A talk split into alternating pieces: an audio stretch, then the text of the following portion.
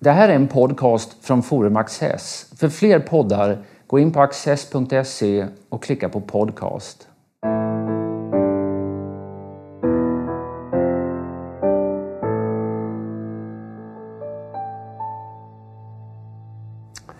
Välkomna till Studio Access. Och temat för idag är integration.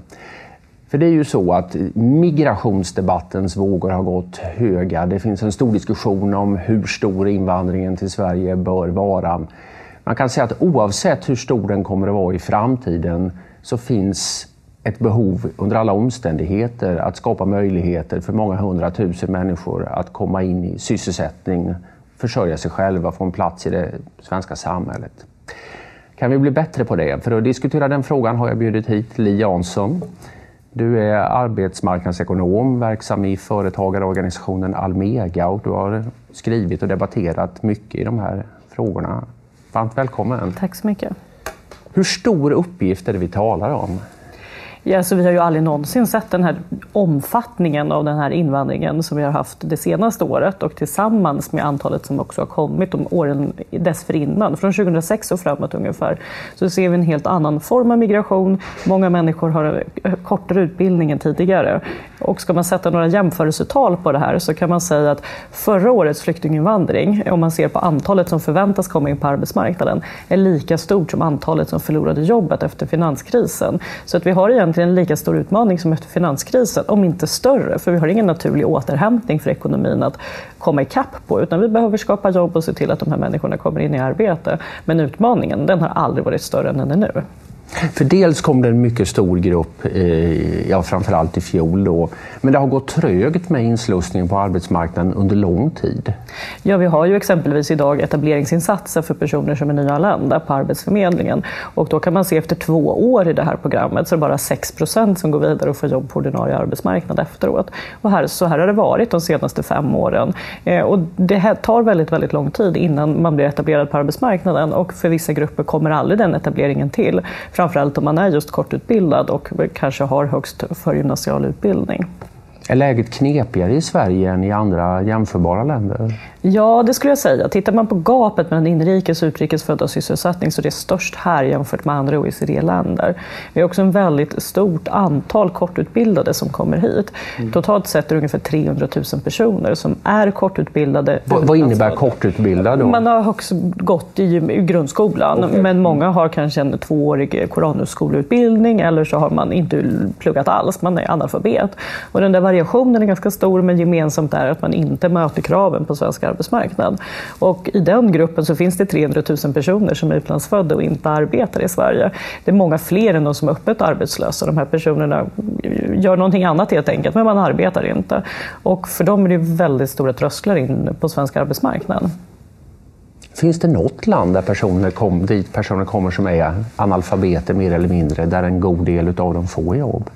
Det man kan se är att Australien fungerar faktiskt ganska bra kopplat till den här gruppen. För jag tänkte likadant, finns det verkligen någonting man kan göra och hur ska, det, hur, hur ska vi klara det här?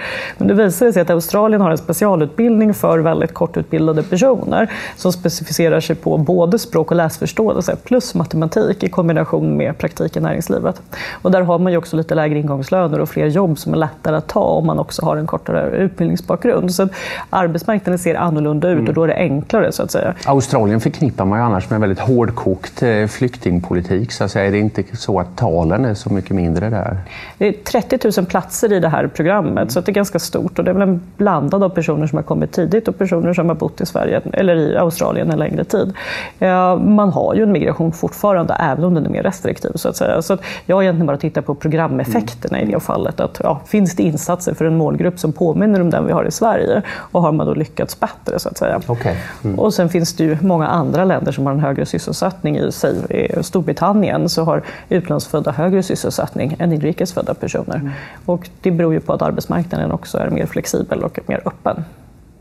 Vi, eh, vi såg ju en ansats tidigare under våren här att liksom migrationsdebatten ja, tog lite av en paus och så började man prata om integration istället. Och den hamnade väldigt snabbt i det här med låga löner. Eh, men när du försöker hitta modeller för hur en bättre integration kan komma till stånd, då är då, då har du ett mycket bredare program än, än låglönejobb. Jag tror man måste komma ihåg att mm, svaren på integrationsutmaningarna är ju en mängd olika faktorer. Och jag har gjort eh, studier som har tittat på ja, vad är de strukturella förklaringarna så att säga? Och då kan jag hitta i det fallet 15 olika reformer som sammantaget gör att integrationen förbättras. Och fler enklare jobb med låglöner, det är en del, men det finns två andra bitar som också är väldigt viktiga. Och det ena handlar om hur man designar tjänsterna kopplat till de här personerna som kommer hit, integrationstjänsterna. Alltså det som den svenska staten ja, möter precis, dem med? Exakt. Ja. För det man ibland missar när man pratar om låglönejobb, det är ju att många av de här personerna har ganska lågt utbildning när man kommer hit. Och vem som ska ta, göra den investeringen, det blir väldigt oklart om det inte är staten som gör den investeringen i de här personernas utbildning. Och då måste man ställa sig frågan, hur gör vi de här utbildningssystemen bättre? Mm. Idag så får man komma in i vuxenutbildningssystemet exempelvis, men det är väldigt lite uppföljning på vad som händer om man verkligen betalar efter resultat.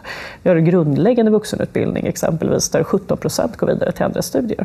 Eh, och då borde ju svaret vara egentligen att alla gick vidare till gymnasieutbildning för att man ska kunna få en, eh, en vad heter det, relevans på arbetsmarknaden. Eh, det finns väldigt mycket man kan göra i de här systemen som inte fungerar idag och ingen har egentligen brytt sig om vuxenutbildningen särskilt systematiskt på väldigt lång tid.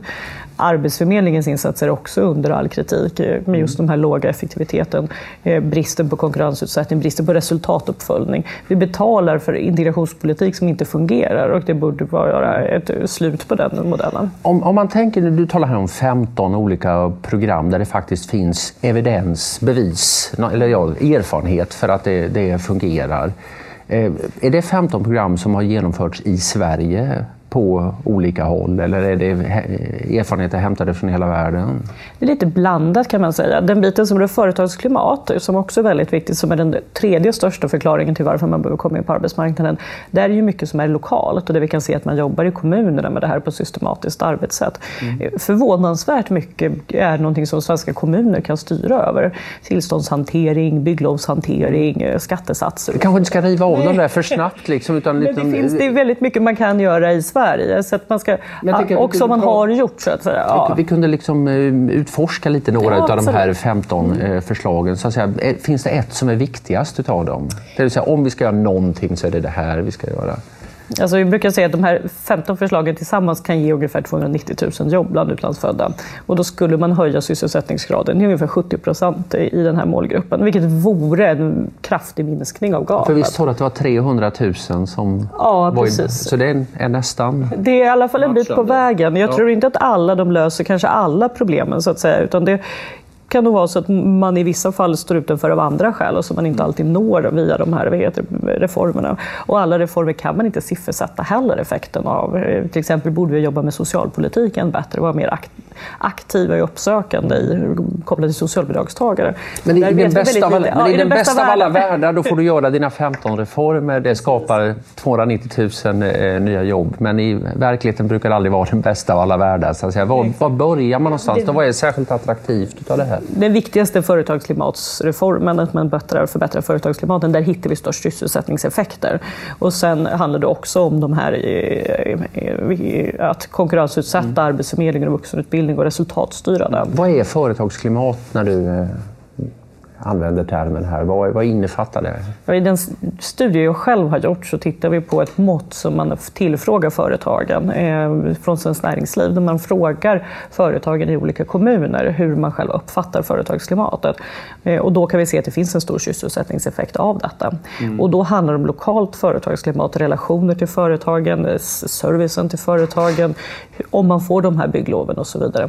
Eh, det finns ju också en effekt av att förbättra det på nationell nivå, men då kan det handla om andra saker, skattenivåer och eh, olika former av regelverk, om man jobbar med regelförenklingar och så vidare. Mm. Och när man tittar på den där utbudschocken som jag kanske inledde med att eh, beskriva, om man ser på hur arbetsmarknaden förändras nu när vi får lika många som kommer in på arbetsmarknaden som förlorade jobbet under finanskrisen, så behöver vi ha en efterfrågechock på svensk arbetsmarknad också. Mm. Och det har vi inte haft. Och för att få till den där efterfrågechocken, då måste man också jobba med strukturreformer som mm. gör att företagen helt enkelt vill och kan anställa mer.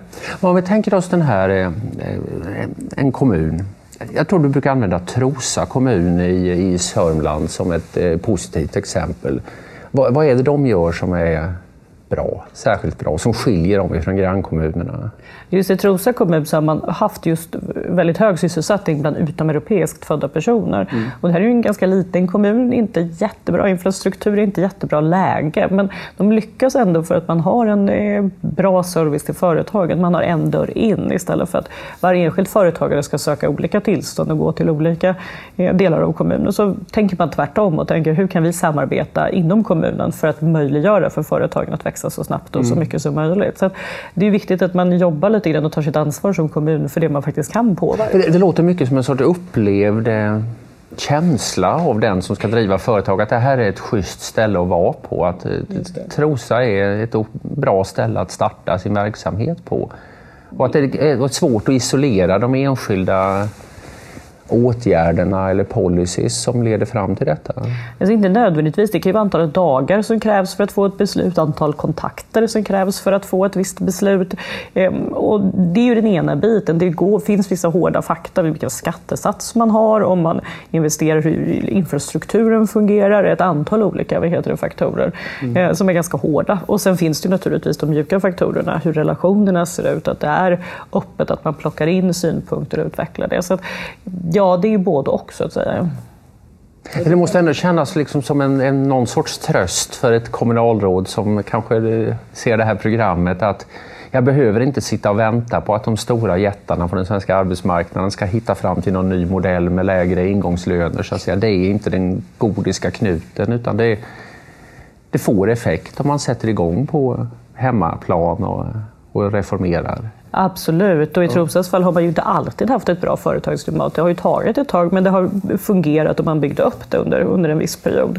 Ja, och man kan se det här att kommuner som jobbar systematiskt med det här under lång tid får goda, eh, goda effekter av det. Mm. Och då påverkar de här relationerna. Och det är ju så att i hela Sverige finns det människor som sitter med företagsidéer som vill testa, som vill utveckla. Det finns människor, där människor bor finns det ofta en efterfrågan så att säga, också på olika varor och tjänster. Så kan man då möjliggöra för de här eh, entreprenörerna att, eh, att skapa, varhelst man nu råkar bo någonstans, så, så är det viktigt. Kan det här fungera för alla kommuner samtidigt? Eller liksom om, eh, om Trosas grannkommuner skärper sig och börjar bli lite mer positivt inställda mot företagen, kommer det att gå sämre i Trosa då?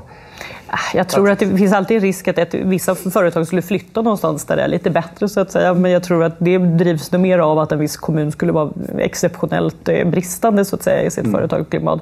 Vill man ha kvar företagen är det väldigt viktigt att jobba med den här attraktiviteten.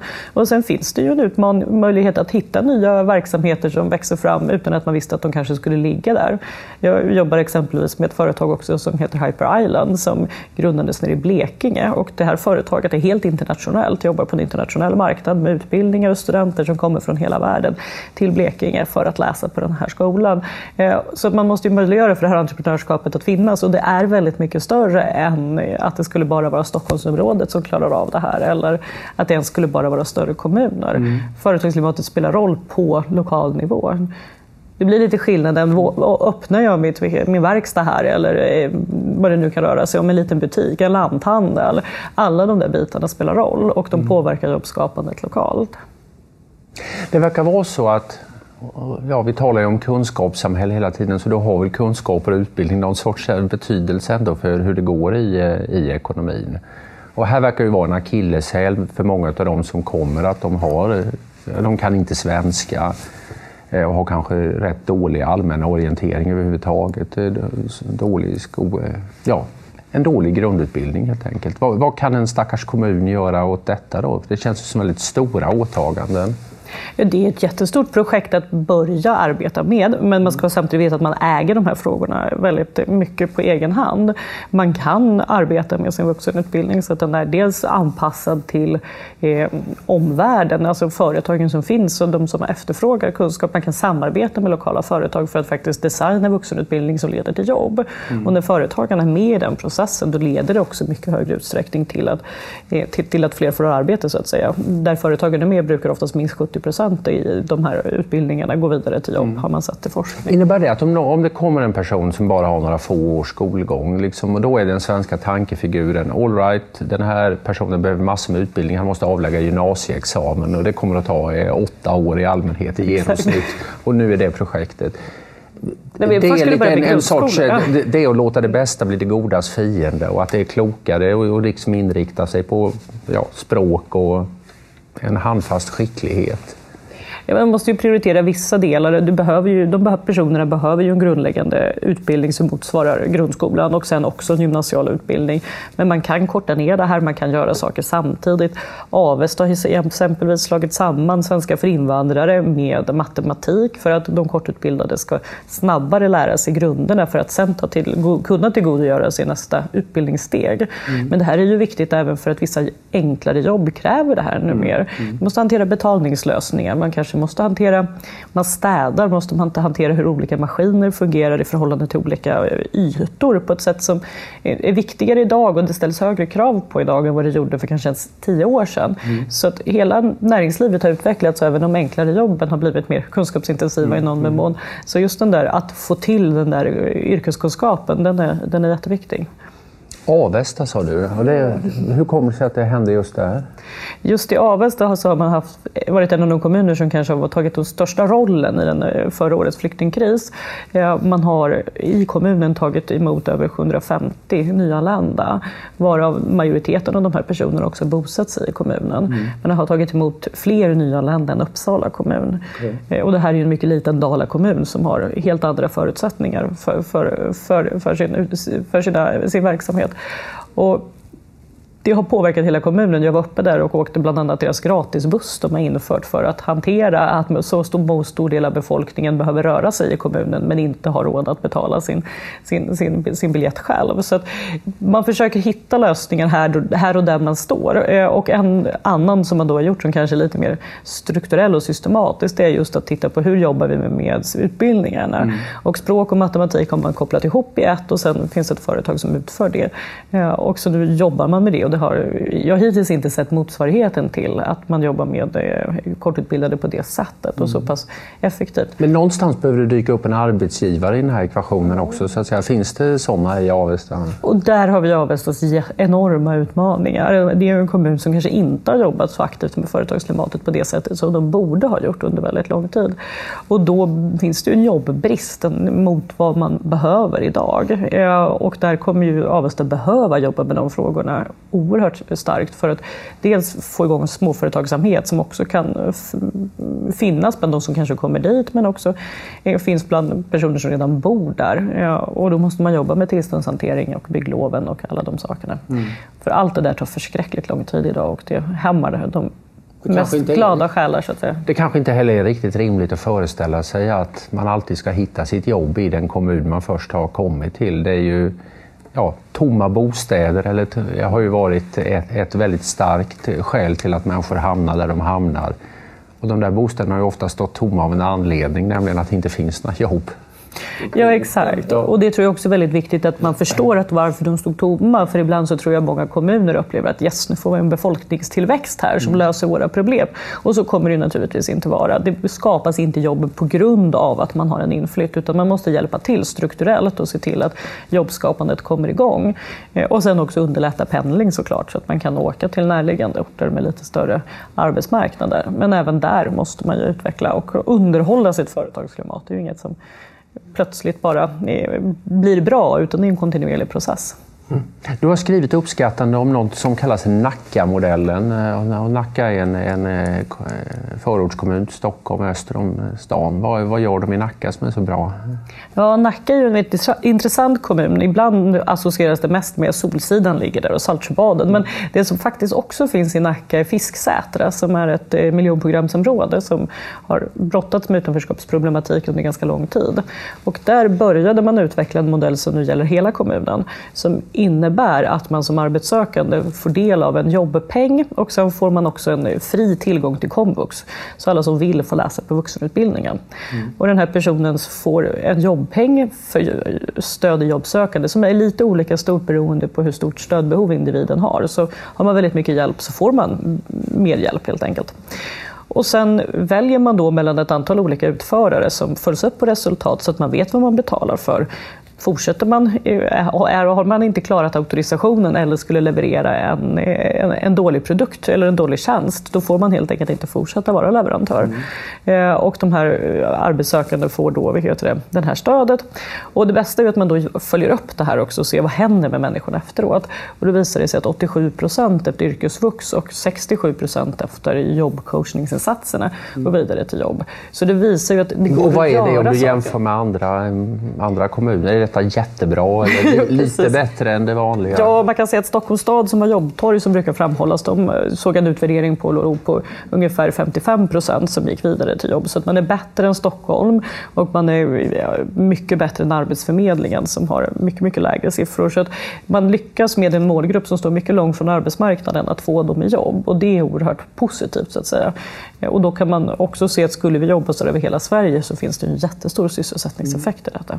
En mer sval och skeptisk person än jag skulle kanske fråga att här kommer en person utifrån och kan inte, kanske inte ens svenska och väldigt lite om hur det svenska samhället fungerar och plötsligt ska man utöva en massa sorts valfrihet i, i kommunen och sånt här.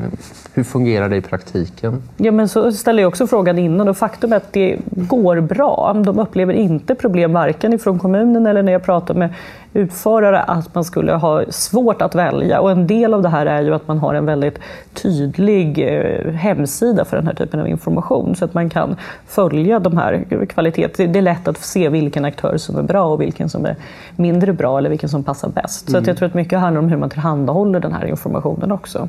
Och sen är det också nästa steg om man kanske av en slump hamnar hos en viss utförare och upplever att det här är ett felaktigt eh, val för mig, då kan man välja bort. Och det får man ju inte glömma att valfriheten är viktig för möjligheten att välja bort också. Växjö, en annan ort. Också en helt fantastisk ort.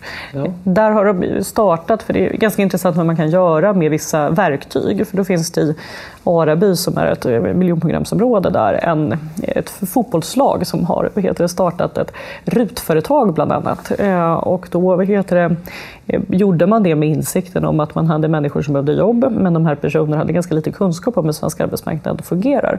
Så att när man då startade RUT-företaget anställde man personer och sen utbildade man dem om hur man skulle städa för en svensk målgrupp och en svensk marknad, för de kulturella dimensionerna i det hela.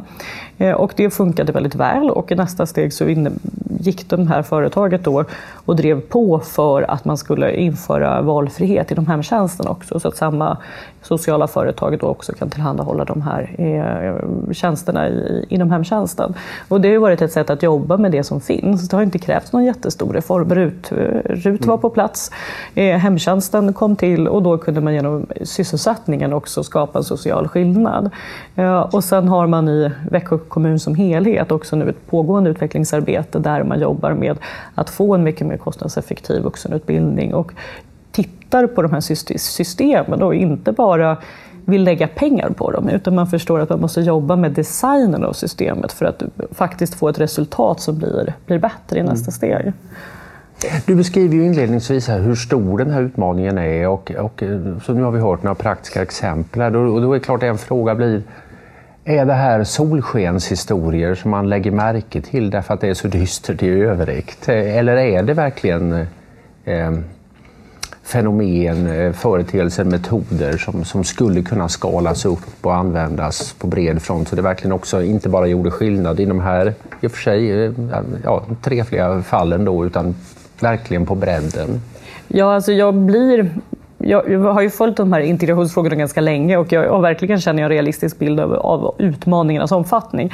Men samtidigt så tror jag att man måste också se att det absolut går att skala upp de goda exemplen när det gäller exempel på systemförändringar. Många fastnar i att man gör små goda projekt som kanske syftar väl, men det finns ingen koppling mellan projekt och de omkringliggande strukturerna.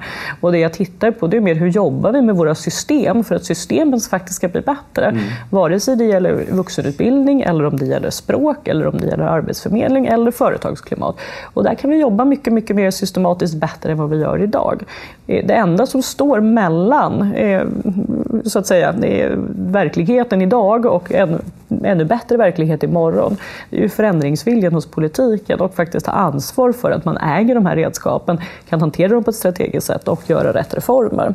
Och att man kanske också ifrågasätter om det kommer en, någon kritik eller invändning, då måste ju den invändningen baseras på ett man har ett annat alternativ som bevisligen också fungerar. Alltså vi måste få en diskussion som förflyttar sig från vad vi tycker och tänker och vill och känner för till att titta på okay, men vad är det som funkar mm. när vi tittar på de systematiska reformerna. Och där finns det evidens. Det finns ganska mycket och det går att göra men det kommer att vara en ganska arbetsam period framför. Mm. Det roligaste att tala om attraktiva modeller som människor söker sig till frivilligt och som, där man kommer vidare. Lite tråkigare är det här att prata om att man kanske, ja, behovet av stramhet i systemen också. Är, är det tillräckligt attraktivt att göra rätt och försöka skaffa sig ett jobb eller är det, är det för bekvämt att inte göra det? Ja, alltså det är väl både och. Jag tror att väldigt mycket av dagens arbetslöshet bland utlandsfödda beror på att strukturerna vad gäller jobbskapandet är ganska små. Så att även om man skulle jobba med incitament i exempelvis ersättningsmodeller och trygghetssystem och så, så måste vi fortfarande jobba med strukturerna. Vi har inte jobbat med efterfrågan på arbetskraft på väldigt, väldigt, väldigt länge. Och det är en enskilt viktig liksom, eh, reformområde i sig själv, även om man tittar på ersättningar. Eh, gäller det sen själva ersättningarna som man får som individ så kan man konstatera att det är ganska låga incitament för att jobba.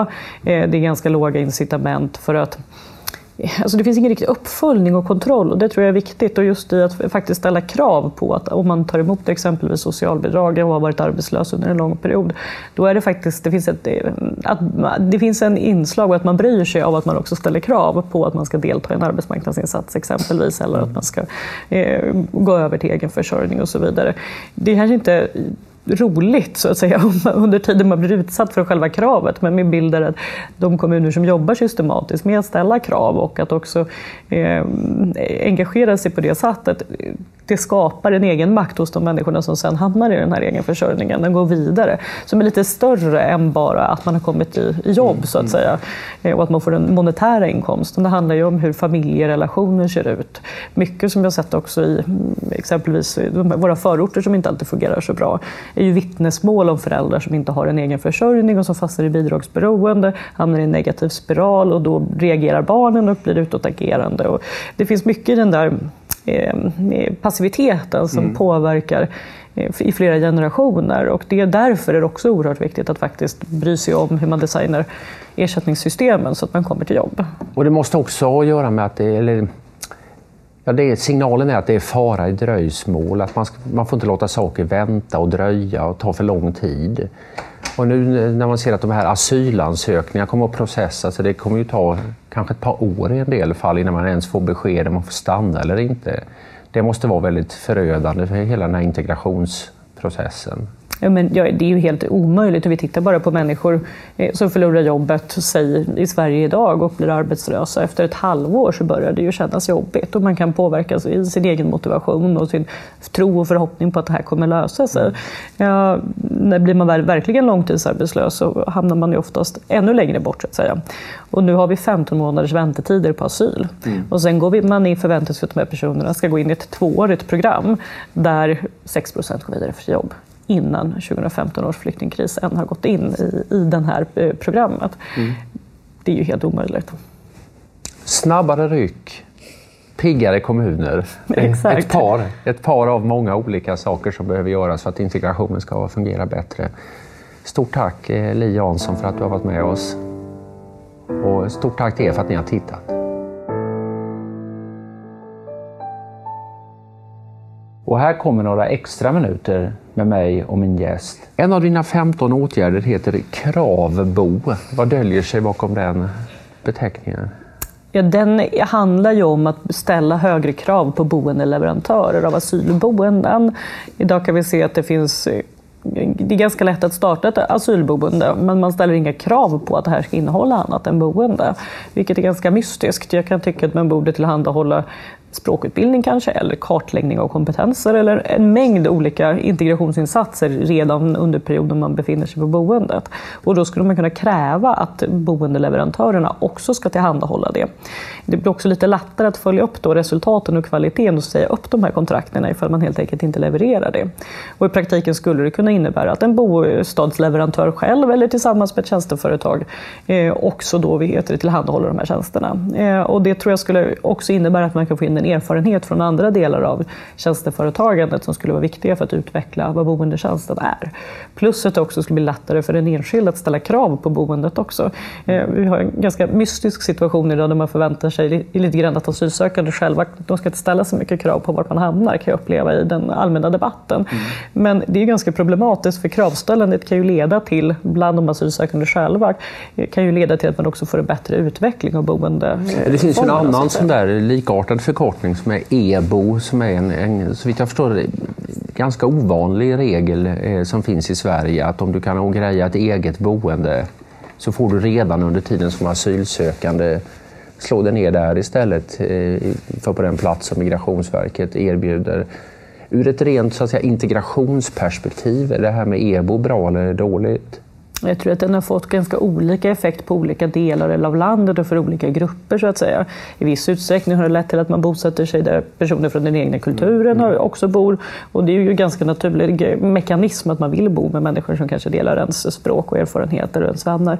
Ja, ur andra perspektivet så kan man tänka sig att det också gör att människor blir lite mer fristående. Jag tror att migrationsboenden generellt, om man vistas där väldigt länge, inte alls är särskilt bra för integrationen heller. Man kan inte riktigt göra göra samma saker som om man bor mer självständigt. Man kan inte laga sin egen mat oftast, vilket mm. också är ett hinder för utvecklingen och gör att människor blir man blir nog mer hämmad än vad man skulle bli om man hade den där självständigheten. Så jag tror att det finns vissa inneboende problem även i att bara ha anläggningsboenden så att säga. Och det finns ju också en fördel att människor fritt kan söka sig till områden som teoretiskt i alla fall har en bättre arbetsmarknad. Så men man kan ju tänka sig att, e, att liksom, ja, det här med integration kanske, det kan ju vara lite olika saker.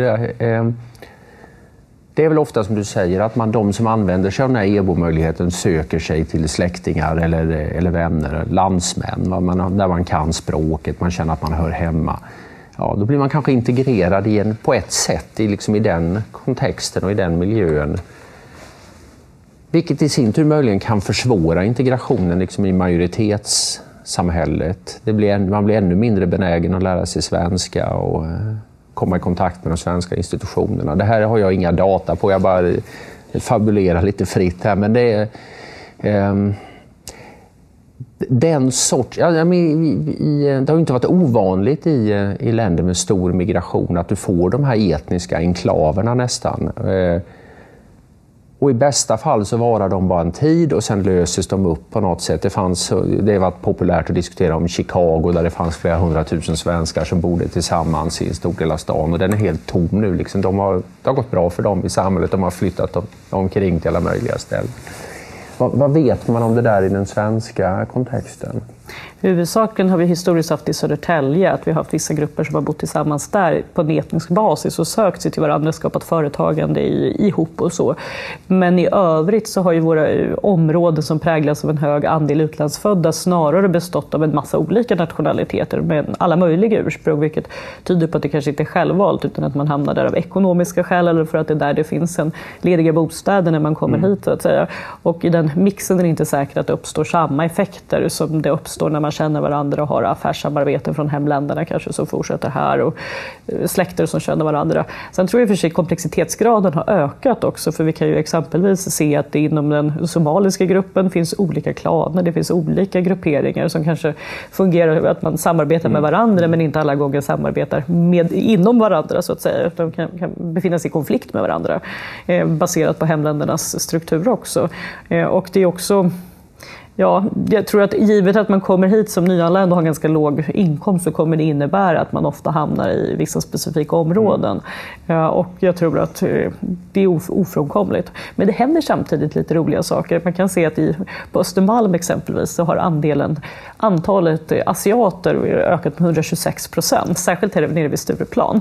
Eh, och jag tror att det där hänger samman med att vi också får väldigt framgångsrika invandrargrupper. I det här fallet det tror jag väldigt mycket kopplas till iranier som är företagare och kommer in på eh, väldigt goda positioner i näringsliv och så vidare. Så att för vissa grupper har det också gått väldigt bra, så att man får nog se, se komplexiteten i det. Att inte, det, det ser väldigt olika ut i alla fall, när det finns en komplexitetsgrad. Mycket av det här känns som att det är långa processer, det kommer att ta tid, det, är inte, eh, det löser sig inte från den ena dagen till den andra. Ser du någon sån här knapp, liksom, som en strömbrytare, där om jag bara fick trycka på den så skulle det här verkligen, en ganska enkel åtgärd som skulle göra stor nytta. Finns det någonting sånt i integrationsfrågan? Alltså någonstans så hoppas jag på att man kan lösa det här lite grann som man har löst med migrationsöverenskommelsen. Man samlar sig i flera partier, man fattar beslut som kanske något inkluderat parti tycker är lite, lite jobbigt men någon annan tycker är bra. Man kommer till en kompromiss mellan många olika reformer. Och integrationsfrågan är ju lite sån. Det finns reformer vi behöver göra i vuxenutbildningssystemet med andra satsningar och som kanske drivs mer av socialdemokratin idag. Och det finns samtidigt vissa arbetsmarknads och företagsklimatsreformer som historiskt har drivits lite mer av borgerliga partier. Om man kan hitta någon mix och göra bra saker gemensamt så kan mm. man också kan äga de här reformerna gemensamt och därmed också få en större eh, varaktighet i de här reformerna. Mm. Men vi närmar oss ju en punkt där det behövs någon form av kommission, som där det behövs någon form av insats som efter bankkrisen eller någonting, att man tar ansvar. För fortsätter det här eh, gå under, det räcker med att vi låter det gå fyra år till. Mm. Då kommer vi ha ett permanent väldigt mycket större utanförskap än vi haft tidigare och det kommer få sociala konsekvenser som jag inte mm. tror något politiskt block egentligen efterfrågar. Det där var ett utmärkt svar och mycket seriösare än min fråga.